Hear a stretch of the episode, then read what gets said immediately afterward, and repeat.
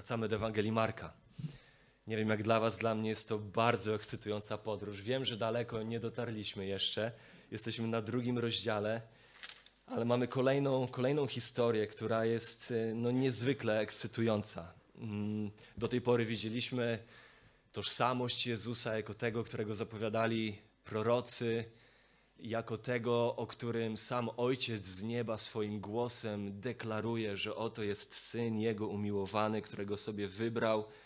Widzieliśmy władzę Jezusa, widzieliśmy Jego moc, Jego autorytet nad chorobą, nad e, demonami, światem ciemności. Widzieliśmy Jego boskość w tym, że On jest tym, którym może przebaczać grzechy, a dzisiaj widzimy wyjątkowość Jego łaski. Widzimy, jak mówi jeden z komentatorów, skandaliczność Jego łaski wręcz. Jest to historia, która okazuje w szokujący sposób to, jak daleko sięga łaska Chrystusa.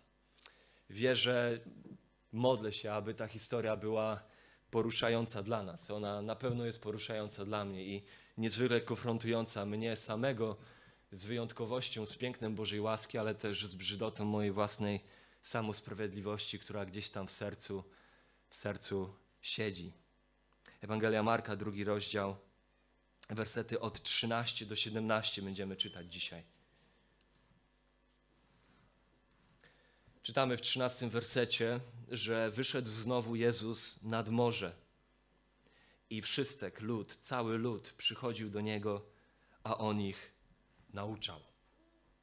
Widzimy tutaj od razu, że scena znowu się zmienia. Scena zmienia się z domu w Kafarnaum na brzeg Morza Galilejskiego. I znowu widzimy tłum, gromadzi się wielki tłum. Wszyscy ludzie, całe miasto, cała okolica schodzi się, żeby zobaczyć Jezusa, posłuchać Jezusa. Zapewne ludzie przychodzą tam z różnych powodów. Niektórzy przychodzą, żeby zobaczyć znowu cuda, są ciekawi spektakularnych czynów, chcą zobaczyć jakiś show, usłyszeli o Jezusie wyjątkowe rzeczy. Inni chcą może posłuchać Jego nauki, Niektórzy może przyszli, bo nie mieli nic innego do roboty, a jeszcze inni może się tam znaleźli, bo zaprosili ich przyjaciele.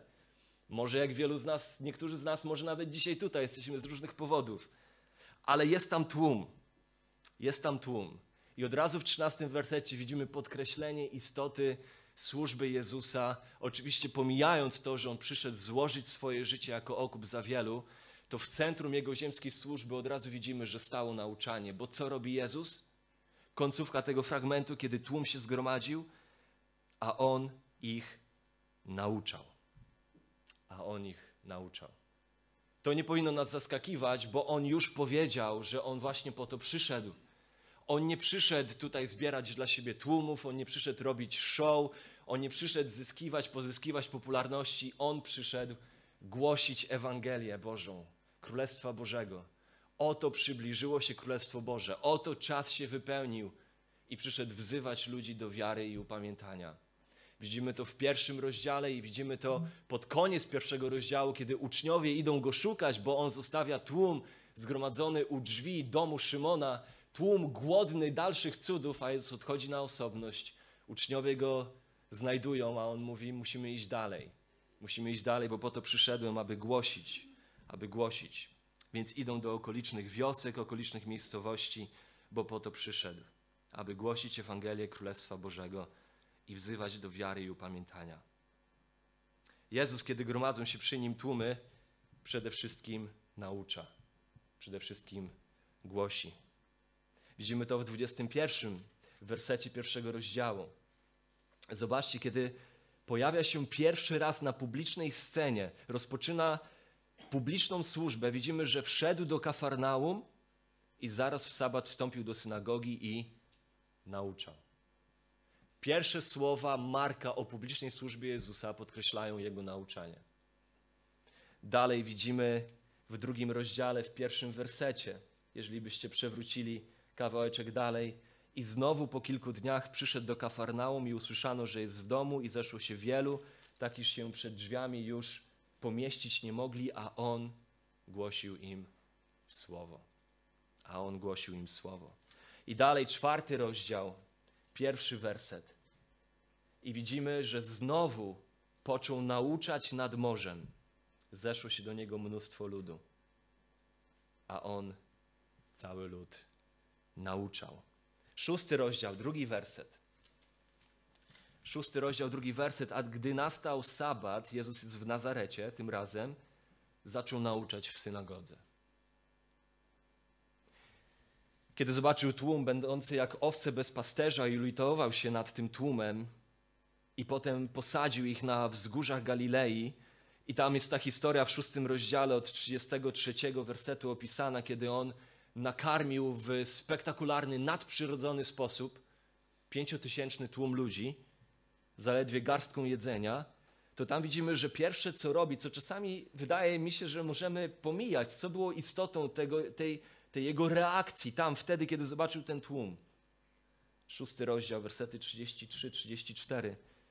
Widziano ich odjeżdżających i poznało ich wielu i pieszo ze wszystkich miast tam się zbiegli i wyprzedzili ich, a wyszedłszy ujrzał Jezus mnóstwo ludu i ulitował się nad tym ludem, że byli jak owce nie mające pasterza i począł ich uczyć wielu rzeczy.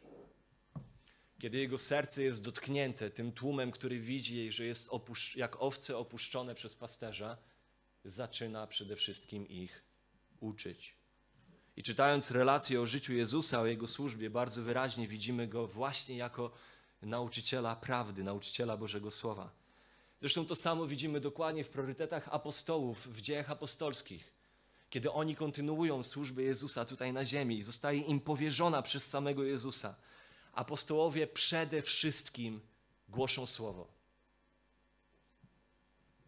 Niemal za każdym razem, kiedy Łukasz w dziejach apostolskich, Łukasz, który jest autorem dziejów apostolskich, podsumowuje różne sekcje tej księgi, tej swojej relacji historycznej, to podsumowuje dotychczasowy rozwój misji Kościoła. Pokazuje nam, jak Kościół się zaczyna rozwijać, jak Ewangelia zaczyna docierać z miejsca w miejsce. I kiedy mówi o rozwoju Kościoła, to mówi o rozwoju Kościoła w kategoriach wzrostu Słowa Bożego. To jest bardzo ciekawe. Szósty rozdział dziejów, siódmy werset. A Słowo Boże rosło i poczet uczniów w Jerozolimie bardzo się pomnażał. Słowo rosło. W dwunastym rozdziale, w dwudziestym czwartym wersecie znowu Łukasz pisze, podsumowując dalszy rozwój Kościoła, lecz Słowo Boże rosło i rozszerzało się. I widzimy w dziewiętnastym rozdziale, dziesiątym wersecie, znowu Łukasz pisze, i działo się to przez dwa lata, tak że wszyscy mieszkańcy Azji, Żydzi i Grecy, mogli usłyszeć Słowo Pańskie. To ogłoszenie Słowa Pańskiego stało w centrum służby apostołów i w 20 wersecie 19 rozdziału znowu Łukasz podsumowuje. I tak to potężnie rosło, umacniało się i rozpowszechniało Słowo Pańskie. Głoszenie prawdy, głoszenie prawdy Bożego Słowa jest i zawsze musi być największym priorytetem Kościoła i Bożych ludzi. Dlatego, że poznanie prawdy jest naszą największą potrzebą. Możemy szukać charyzmatycznych osobowości, obdarowanych organizatorów, możemy szukać imponujących programów kościelnych, porywającej muzyki, ale jeżeli będzie w kościele brakować nauczania słowa, oddania Bożej prawdzie, owce zostaną zagłodzone. Programy czy też osobowości oczywiście są ważne, ale nie są niezastąpione, a już na pewno nie są centralne. Bez jedzenia owce zginą. I to tyczy się zarówno Kościoła, jak i tyczy się każdego z nas indywidualnie. Centralność Bożego Słowa w naszym życiu. Dlatego Piotr w swoim liście przypomina w drugim rozdziale pierwszego Piotra, od pierwszego wersetu, odrzucając więc wszelką złośliwość, wszelki podstęp i obłudę, zazdrość i wszelkie obmowy, jak nowonarodzone niemowlęta, pragnijcie czystego mleka Słowa Bożego, abyście dzięki niemu rośli. Zapragnijcie czystego mleka Słowa Bożego, żebyście dzięki niemu rośli. Słowo Boże zawsze stało w centrum wzrostu Kościoła i każdej duchowej reformacji. Jakby już pomijając fakt biblijności tego, że słowo musi być centralne w naszym indywidualnym życiu, jak i w naszym wspólnym życiu Kościoła, to nawet historycznie dokładnie to widzimy, że to właśnie słowo stoi u podłoża każdego wzrostu i każdej duchowej przemiany. jak chociażby zwoje Bożego Słowa odnalezione za czasów Jozjasza. Druga Królewska 22 i tam mamy miejsce narodowego przebudzenia. Czy też głoszenie słowa za czasów Nehemiasza, Nehemiasza 8 i 9, znowu narodowe przebudzenie. Głoszenie słowa w dniu pięćdziesiątnicy. Duch Święty stępuje właśnie po to, by Piotr głosił słowo, i to jest to, co stoi w centrum przebudzenia w drugim rozdziale dziejów apostolskich.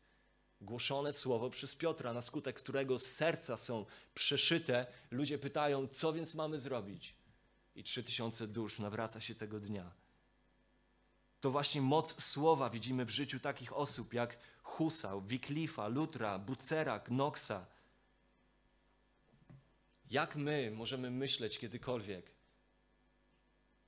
że możemy mieć ambiwalentne podejście do Bożego Słowa? Że możemy być obojętni wobec Niego, czy też bierni wobec Bożego Słowa? Że możemy być wobec Niego powierzchowni? I oczekiwać, że nasze kościoły czy też nasze życia będą przeżywać duchową reformację i duchowy wzrost.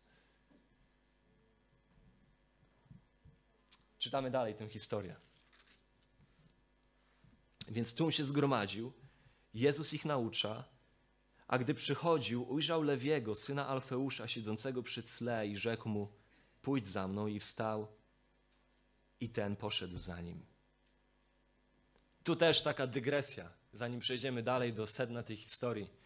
Widzimy, jak punkt skupienia z tłumu przychodzi na konkretnego człowieka, na Lewiego.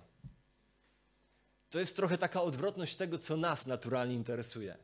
Nas zazwyczaj interesują właśnie tłumy. My czujemy się zbudowani, kiedy są wokół tłumy. A tutaj bardzo często w służbie Jezusa skupienie jest przekierowane z tłumów na indywidualne osoby.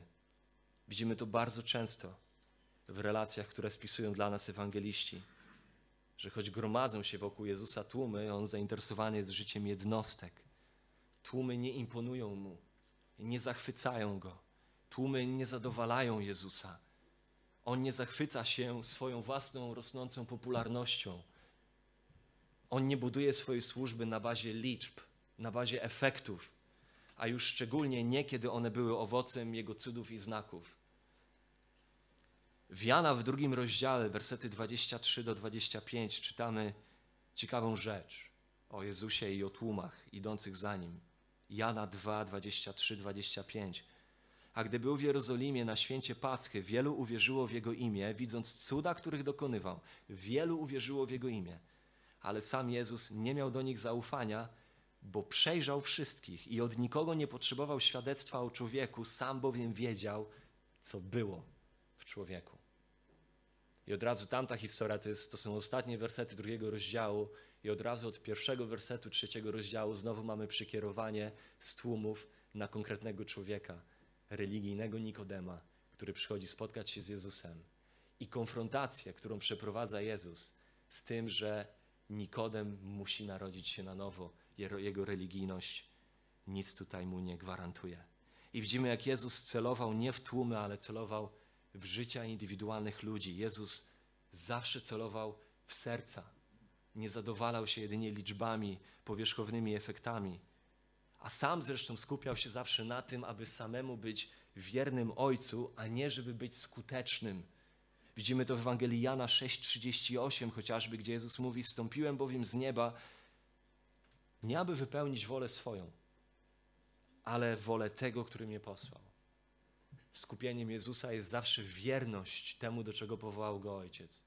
Nie efekty, nie rezultaty, ale wierność. I to jest ważne przypomnienie. To wydaje mi się, że to jest ważna dygresja, o której musimy pamiętać. Bo oczywiście świat nas ocenia przez pryzmat naszej efektywności w każdej dziedzinie życia, na każdym etapie. Jesteśmy oceniani na podstawie efektywności, naszej wydaj wydajności i bardzo często Sami siebie tak definiujemy. Budujemy sobie wysokie mniemanie o sobie w oparciu o to, jakie stanowiska zajmujemy, jakie stanowiska uda nam się osiągnąć, co osiągnęliśmy w życiu w ogóle, jakie domy wybudowaliśmy, na jakie auta nas stać, jaką rodzinę mamy, jakie mamy wpływy albo jakich nie mamy i co z kolei wpływa na niskie nasze poczucie tego, kim jesteśmy. I podobnie wtedy też zaczynamy oceniać kościoły To jest trochę przekleństwem naszych czasów, czasów skupionych na efektywności, na powierzchownych zewnętrznych rezultatach. No bo dobry kościół to oczywiście efektywny i efektowny kościół. I tak też kościoły dzisiaj wybieramy. Kościół, który rośnie, kościół, który jest rozpoznawalny, kościół, który jest popularny, w którym wszystkie elementy są na wysokim poziomie jakościowym, muzycznie, lokalowo i, i tak dalej, i tak dalej. Podczas gdy żadna z tych rzeczy nie jest czynnikiem określającym to, czy mamy do czynienia z dobrym kościołem, czy też nie. Żadna z tych rzeczy nie jest czynnikiem to określającym. Sukces, dobro czyjegoś życia, dobro Kościoła, według Bożej definicji, po Bożemu, definiowane jest zawsze przez wierność Bogu i Bożemu Słowu, a nie przez efektywność. Ciekawe jest to, jak dwa spośród siedmiu kościołów, do których zostały napisane listy w Księdze Objawienia, dwa spośród siedmiu kościołów otrzymują tylko pochwałę od Jezusa. Tylko dwa kościoły otrzymują pochwałę od Jezusa bez żadnej nagany. Inne też otrzymują jakąś tam pochwałę, ale też pomieszane z naganą. Ale tak się składa, że te dwa z siedmiu kościołów, które otrzymują tylko pochwałę po ludzku, wyglądały najmarniej. Wyglądały najsłabiej. Mamy mały, prześladowany zbór w Smyrnie, zdominowany przez prześladujących go ludzi, pod presją, pod wpływami, czy może nie pod wpływami, byli pod wpływami Bożego Słowa, ale pod ogromną presją tych, którzy byli w większości wokół nich i prześladowali ich. I potem mamy mały, niewiele mogący po ludzku zrobić zbór w Filadelfii. To są dwa po ludzku marne, słabe kościoły. To jest bardzo ważne, byśmy o tym pamiętali. Szczególnie kiedy pomyślimy o tym, że Bóg daje wzrost temu kościołowi. Bóg daje niezwykły wzrost temu kościołowi na etapie ostatnich miesięcy, lat i chwała Jemu za to. Mam nadzieję, że ogromna wdzięczność wylewa się z naszych serc za to, co Bóg robi w tym kościele. Jesteśmy przekonani, że na ten moment jest to owocem niczego innego, jak właśnie wierności i skupienia tego kościoła na Słowie Bożym. I tego, jaką pracę Bóg wykonuje właśnie swoim słowem wśród nas. Tylko, że miejmy się na baczności i strzeżmy się. Ty, który stoisz, bacz, byś nie upadł. Ostrzega nas słowo. Miejmy się na baczności, dbając o siebie, dbając o siebie indywidualnie i dbając o siebie nawzajem. Żebyśmy czasem nie złapali się na tym, że sam wzrost i rozwój zaczynamy traktować jako sukces. Że zaczynamy popadać w jakiś zachwyt i samozadowolenie, albo jeszcze co gorsze, w marazm, w duchowe odrętwienie i w bierność. Zapominając o tym, że to właśnie nasza wierność musi dominować nasze życie, nasze życie indywidualne i nasze życie wspólne. Wierność Bogu w naszym życiu i w życiu wspólnym jako Kościół musi definiować nasze życie. Bardzo łatwo jest to, by wzrastający, rozwijający się Kościół stał się kościołem konsumpcyjnym. Kiedy to, kiedy Kościół jest mały, wszyscy są zauważeni, potrzeba tego, by się angażować, jest niezwykle wyraźna, widoczna, odczuwalna, kiedy ktoś się nie angażuje. Niezwykle łatwo jest, kiedy Kościół rośnie, gdzieś usunąć się w tło, usunąć się gdzieś tam na drugi, trzeci plan, myśląc, że przecież jest nas tak wielu, że na pewno ja nie muszę się angażować, bo ktoś na pewno mnie zastąpi. Ktoś znajdzie się w moje miejsce. Miejmy się na baczności. Pamiętajmy, że wierność, wierność, nie to, czy my rośniemy liczebnie, nie to, czy ten Kościół się rozwija w kwestii rezultatów i efektów, ale wierność jest tym, co musi definiować nasze życie indywidualne, nasze życie jako Kościoła. Nasza wierność w modlitwie, nasza wierność w poznawaniu i posłuszeństwie Bożemu Słowu nasza wierność w społeczności, nasza wierność w głoszeniu Ewangelii i w misji wypełniania wielkiego nakazu misyjnego, nasza wierność w służeniu sobie nawzajem, nasza wierność w używaniu swoich duchowych darów, w rozwijaniu swoich duchowych darów, nasza wierność w dawaniu, w hojności, nasza wierność w wyznawaniu swoich grzechów, w przyznawaniu się do swoich grzechów, nasza wierność we wspieraniu siebie nawzajem, dźwiganiu brzemion jedni drugich, nasza wierność w zachowywaniu pokoju między sobą, wierność w gorącej miłości dla tych, którzy są waszymi przełożonymi w Panu i was nauczają, jak pisze Paweł choćby do Tesaloniczan.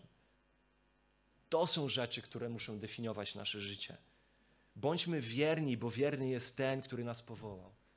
I dziękujmy Jemu za te rzeczy, które robi pośród nas. Ale miejmy się na baczności. Strzeżmy się.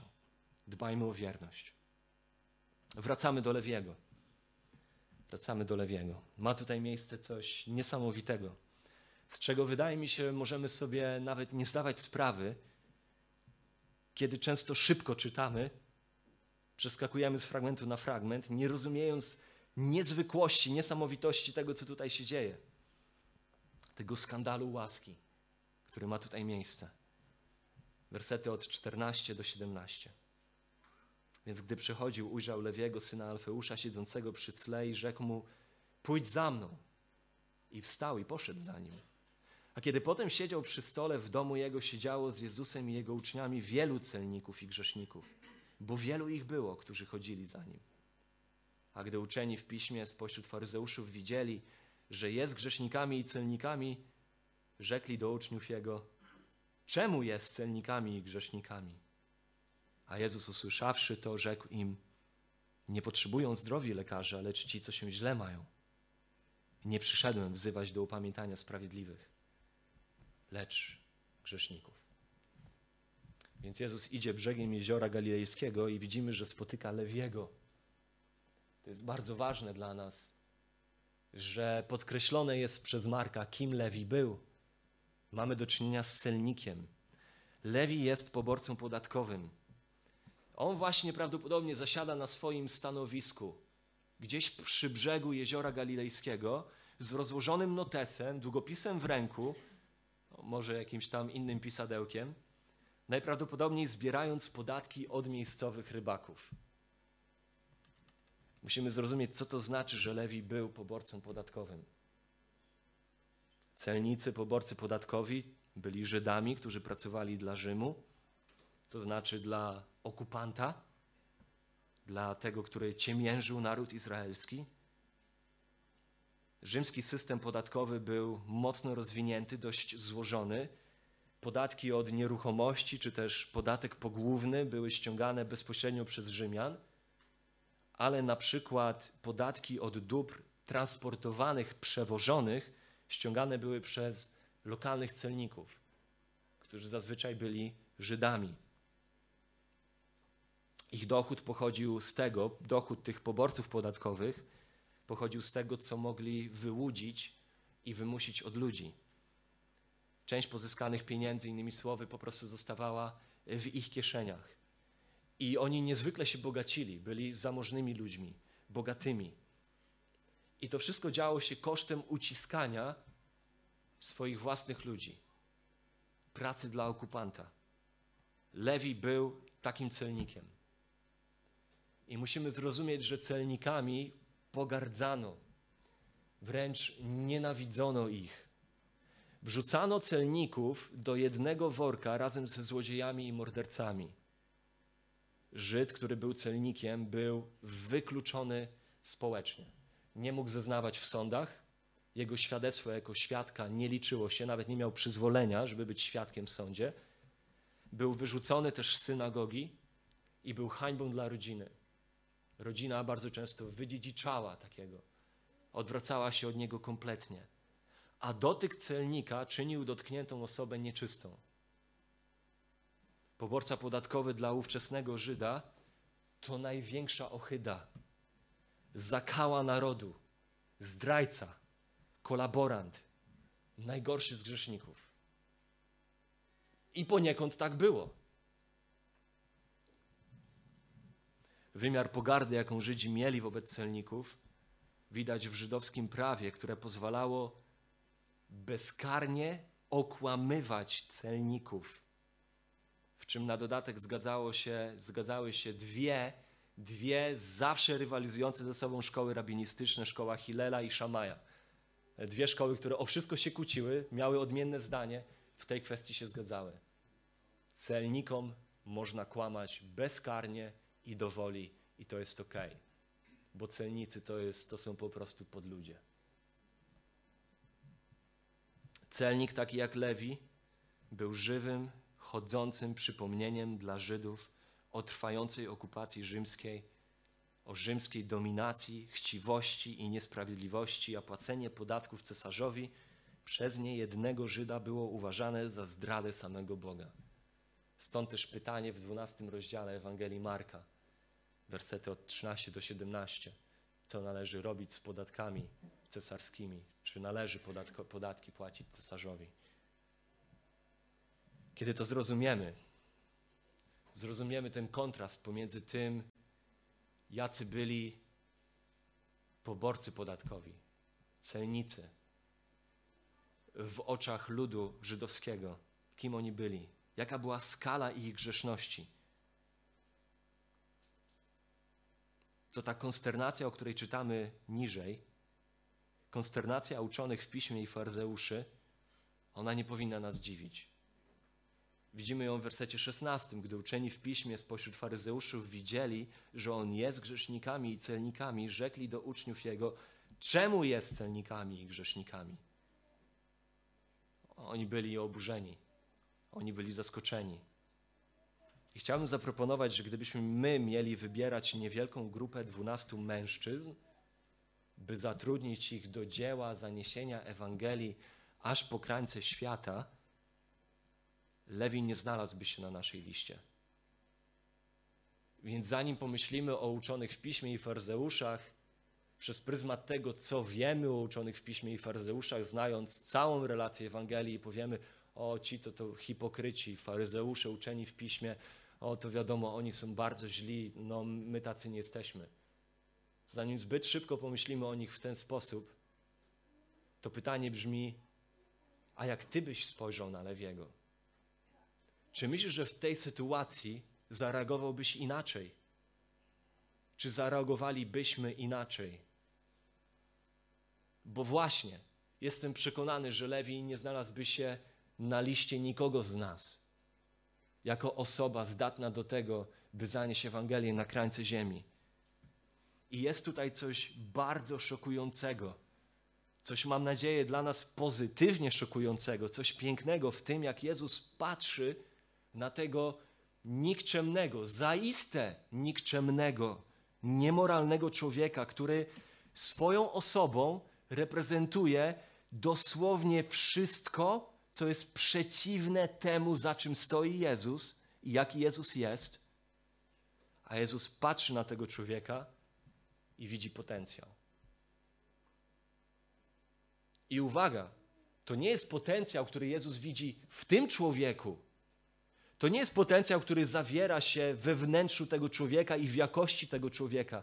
W nim nie było żadnego potencjału.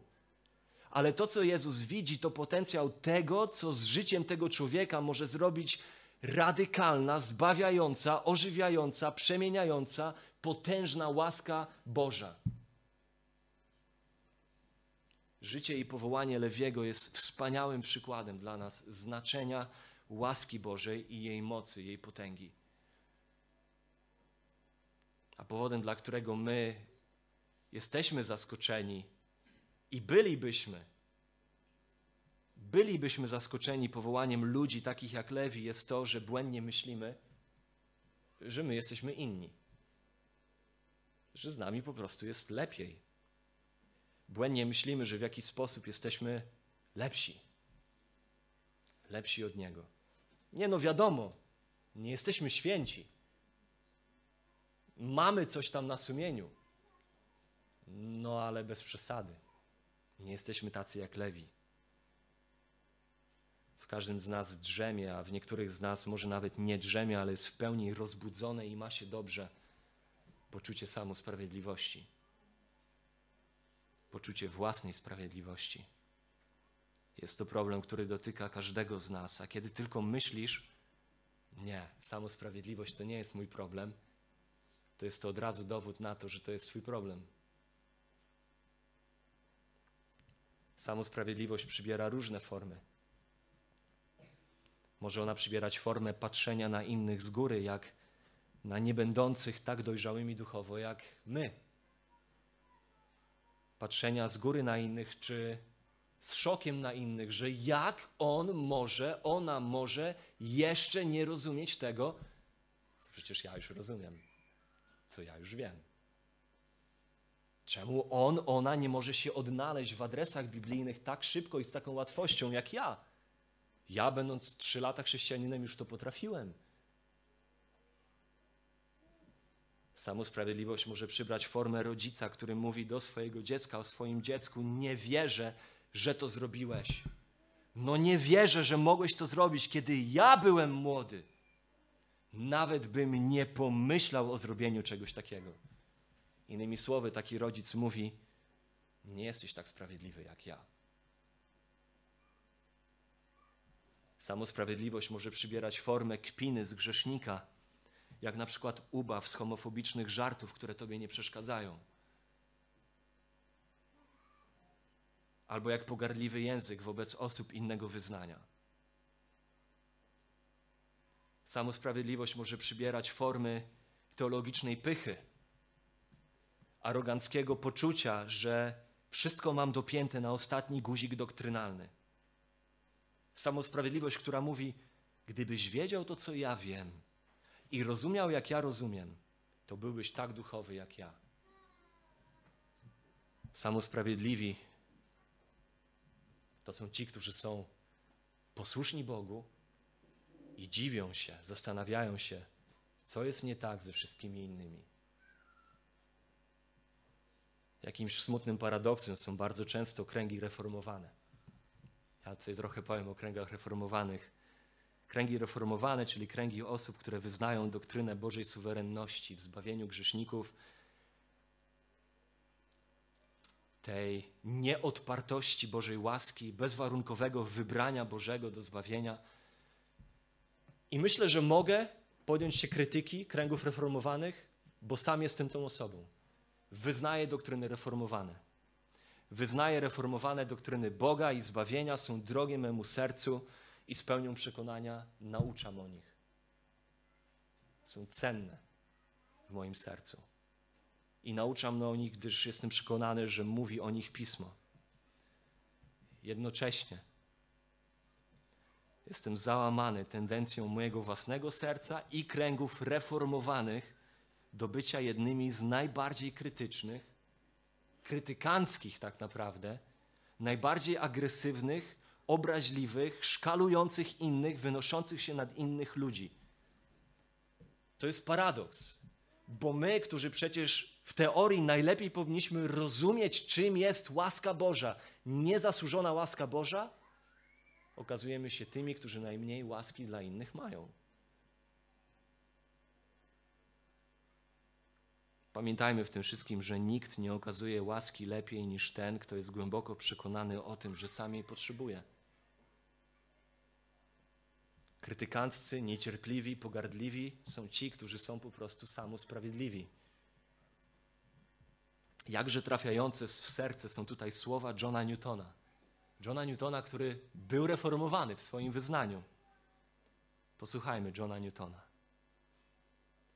Obawiam się, że są kalwiniści, którzy chociaż uznają to za dowód swojej pokory, iż chcą słowami poniżyć stworzenie i oddać całą chwałę za zbawienie Panu, to jednak nie zdają sobie sprawy, jakiego faktycznie mają ducha.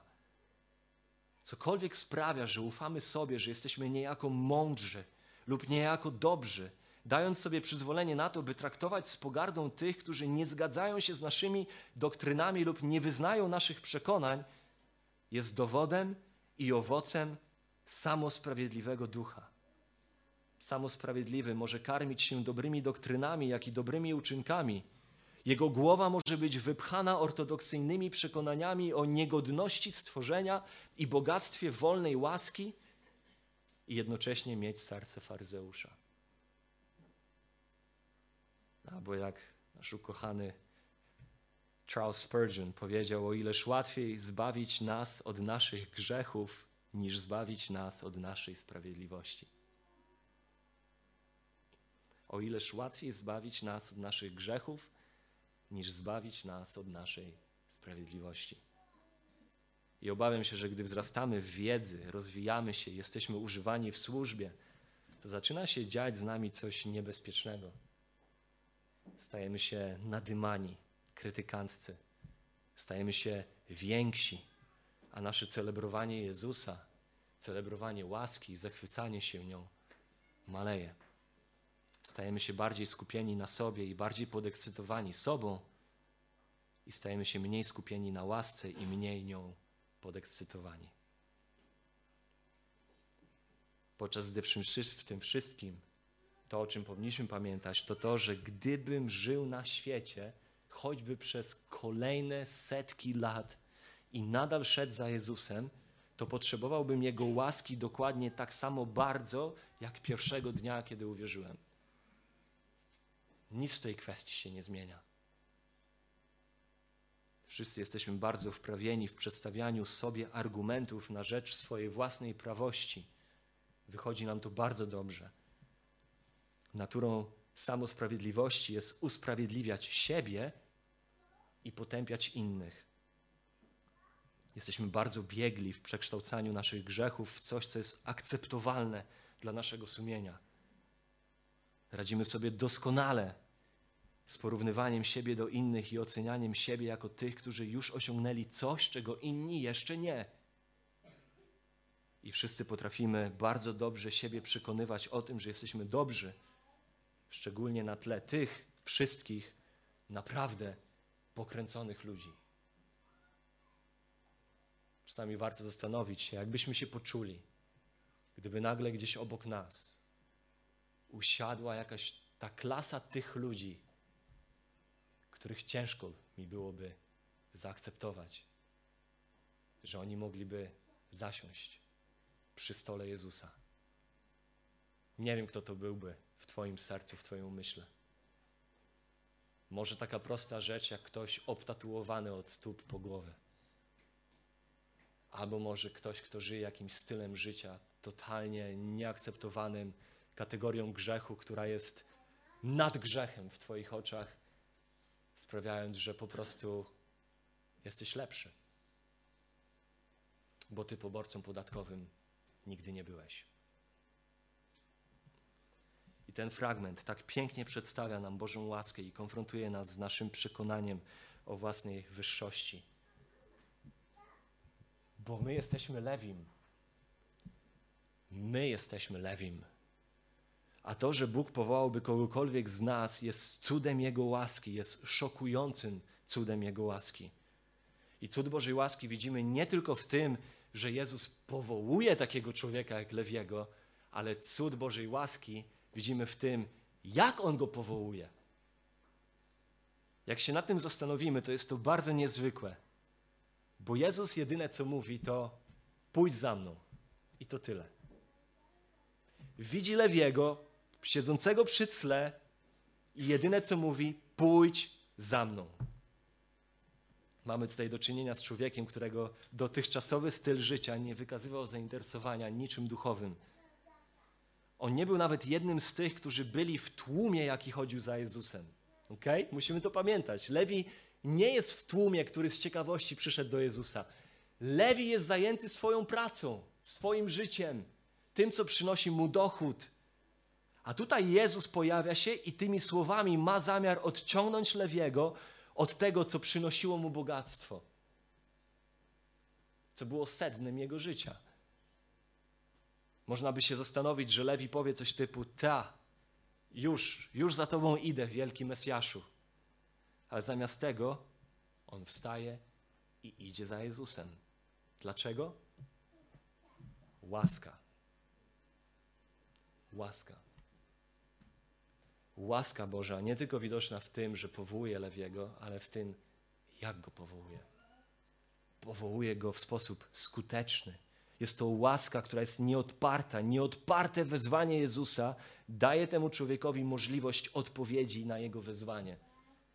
Łaska, która otwiera w tym momencie jego oczy, która porusza jego serce, zmienia sposób myślenia, zmienia jego pragnienia i idzie za Jezusem. Jezus później zresztą przypomni swoim uczniom, Czytamy o tym w Ewangelii Jana 15, 16. Nie wy mnie wybraliście, ale ja was wybrałem i przeznaczyłem was, abyście szli i owoc wydawali, aby owoc wasz był trwały. To, w jakim miejscu życia dzisiaj wy jesteście, to nie był wasz wybór. Wy byście wybrali grzech. Wyście wybrali to, co jest naturalne dla waszych serc. Ale moja łaska zmieniła was.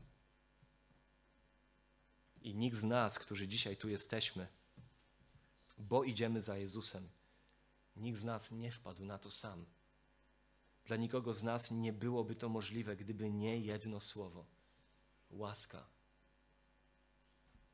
Zostaliśmy przeniesieni ze śmierci do życia w wyniku Bożej łaski i tylko Bogu chwała.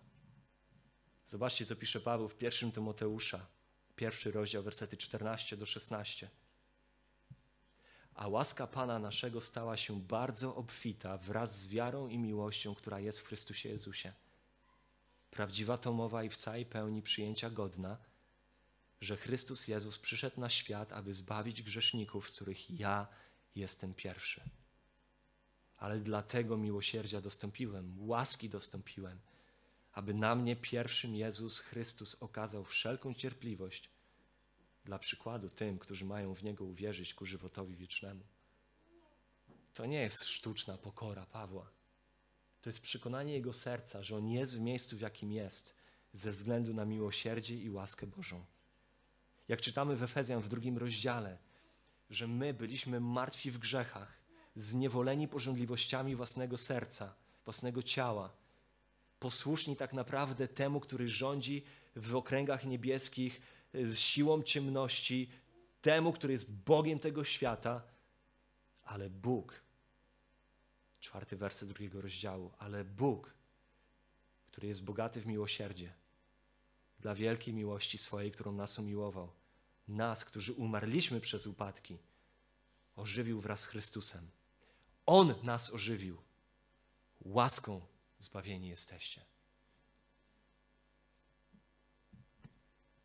I zobaczcie, jaką Lewi przychodzi transformację. Co on robi dalej? Widzimy wyjątkowość Bożej łaski w tym, że powołuje Lewiego. Cud Bożej łaski w tym, jak go powołuje.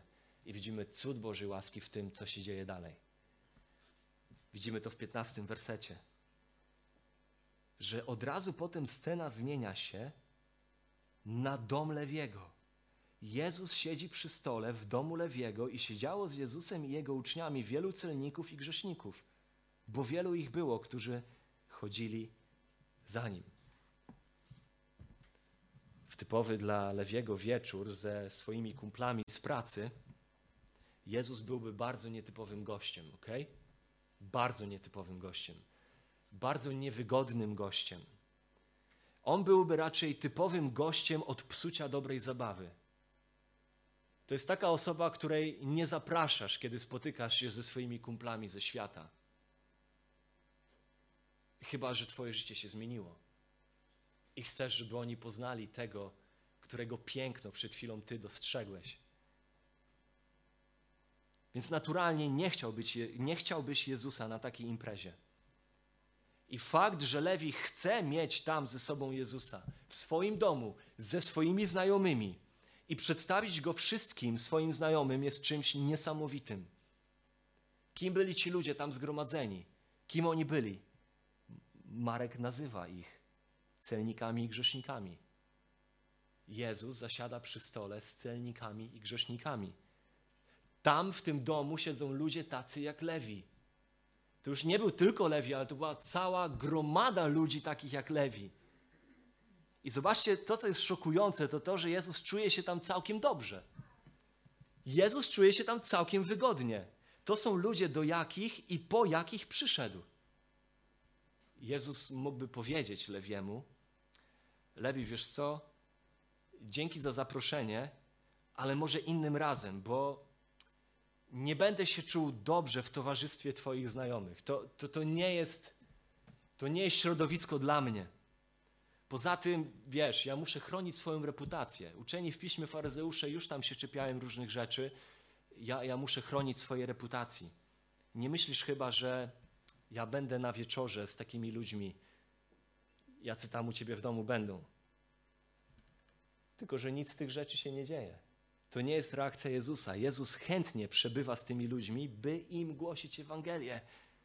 Oto przed nim potrzeba, która sprowadziła go na ziemię i dla której on pójdzie na krzyż. Grzesznicy w potrzebie zbawiciela. Oczywiście byli tam tacy, co byli zdziwieni, oburzeni. Bo jak to? Z kim on jada? Z kim on przebywa? Gdyby był święty, gdyby był nienaganny, to na pewno nie byłby z tymi ludźmi. Nie przebywałby z tymi grzesznikami. I widzimy to pytanie w szesnastym wersecie. Dlaczego on je z celnikami i grzesznikami? Dlaczego on je z grzesznikami? Główny powód, dla którego ktokolwiek może zadać takie pytanie, dlaczego on je z tymi grzesznikami, jest to, że dochodzi taka osoba do wniosku, że grzesznikiem nie jest. Dlatego go dziwi to, że Jezus może jeść z grzesznikami. No bo przecież naturalne byłoby raczej to, że je ze mną, że je z nami. Jak bardzo potrzebujemy przypominać sobie, że może tak, nie zrobiłem wszystkiego, co robili ci ludzie, ale z pewnością nie mam nic i nie zrobiłem nic, co mógłbym przynieść przed Boga, aby zyskać Jego akceptację. Że dokładnie jestem w tej samej kategorii, co ci ludzie, bo jedyne, co mogę wnieść do mojego zbawienia, to jest mój grzech. Uczeni w piśmie, zamiast cieszyć się tym, że oto przyszedł Mesjasz, by być światłością świata, aby przywrócić wzrok ślepym, aby skrzesić martwych do życia, aby zbawić grzeszników, reagują oburzeniem. Dlaczego on je z takimi ludźmi?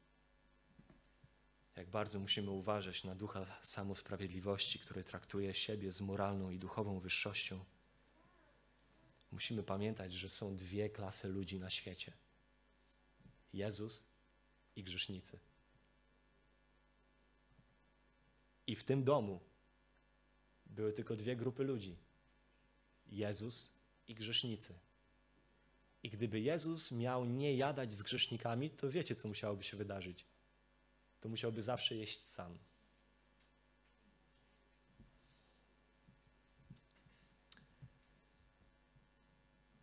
Oczywiście wśród grzeszników, wśród nas wszystkich są przynajmniej dwie kategorie ludzi, o których Jezus powie w wersecie 17. A Jezus usłyszawszy to, rzekł im: Nie potrzebują zdrowi lekarze, lecz ci, co się źle mają. Nie przyszedłem wzywać do upamiętania sprawiedliwych, lecz grzeszników. Tutaj Jezus wypowiada te słowa w odpowiedzi na oburzenie uczonych w piśmie z wersetu 16.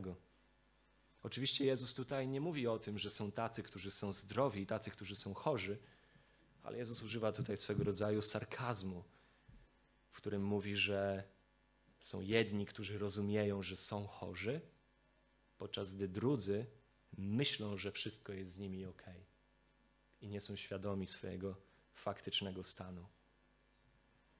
Możesz być grzesznikiem, który jest ślepy na swój faktyczny stan, aroganckim, nieuznającym swojej grzeszności, nieposiadającym poczucia swojego duchowego bankructwa i potrzeby Bożej łaski. I wtedy musisz wiedzieć, że taka zarozumiałość jest wrogiem wobec dzieła Bożego. Nie ma dla ciebie uzdrowienia dopóty, dopóki myślisz, że wszystko z tobą jest ok, bo przecież nie jesteś takim złym człowiekiem, Biblia ostrzega: zginiesz w grzechach swoich. Zginiesz w grzechach swoich. Ale też możesz być grzesznikiem, który jest w stanie spojrzeć na zwierciadło Bożego Słowa i dojść do poznania i przekonania o swoim grzechu, tak jak mówi o nim Bóg, i uznać Jego rzeczywistość i zobaczyć brzydotę własnego grzechu i zapragnąć ratunku i zapragnąć Chrystusa i być podekscytowanym tym, jakim On jest Zbawicielem, żyjąc, umierając i powstając z martwych w miejsce grzeszników. Samosprawiedliwość zawsze będzie niszczyć celebrowanie i zachwycanie się łaską, ponieważ łaska jest ekscytująca tylko dla grzeszników. Dlatego to komu wiele przebaczono, ten wiele miłuje. Czy wiele Tobie przebaczono? Czy może tylko trochę? Jeżeli rozumiesz, że jesteś grzesznikiem, to będziesz podekscytowany przesłaniem o krzyżu Chrystusa. O tym, że Bóg przyszedłby w ciele, aby żyć dla Ciebie i za Ciebie idealnie świętym życiem. I że następnie ten Chrystus, Bóg w ciele, wziąłby Twój grzech na krzyż, aby kupić dla Ciebie akceptację i zmartwychwstałby, pokonując śmierć i dając Tobie życie. Ale jeżeli nie masz przekonania o swojej grzeszności, to nie jest to dla Ciebie interesujące. I ta historia mówi o tym, że przesłaniem Jezusa jest przesłanie nadziei dla grzeszników. Że Jezus przyszedł zbawić grzeszników, przyszedł zbawić chorych. Mamy tutaj obraz Jezusa, który zasiada z beznadziejnymi i z pogardzonymi, ponieważ dokładnie po to przyszedł i jest tam, bo On jest ich jedyną nadzieją. Tutaj, w tym miejscu, w tej historii, tylko z nimi zasiada, ale niedługo. Za niedługi czas zostanie policzony w ich poczet, kiedy zawiśnie na krzyżu jak przestępca obok przestępców, biorąc na siebie nasze grzechy, abyśmy my otrzymali przebaczenie i żyli.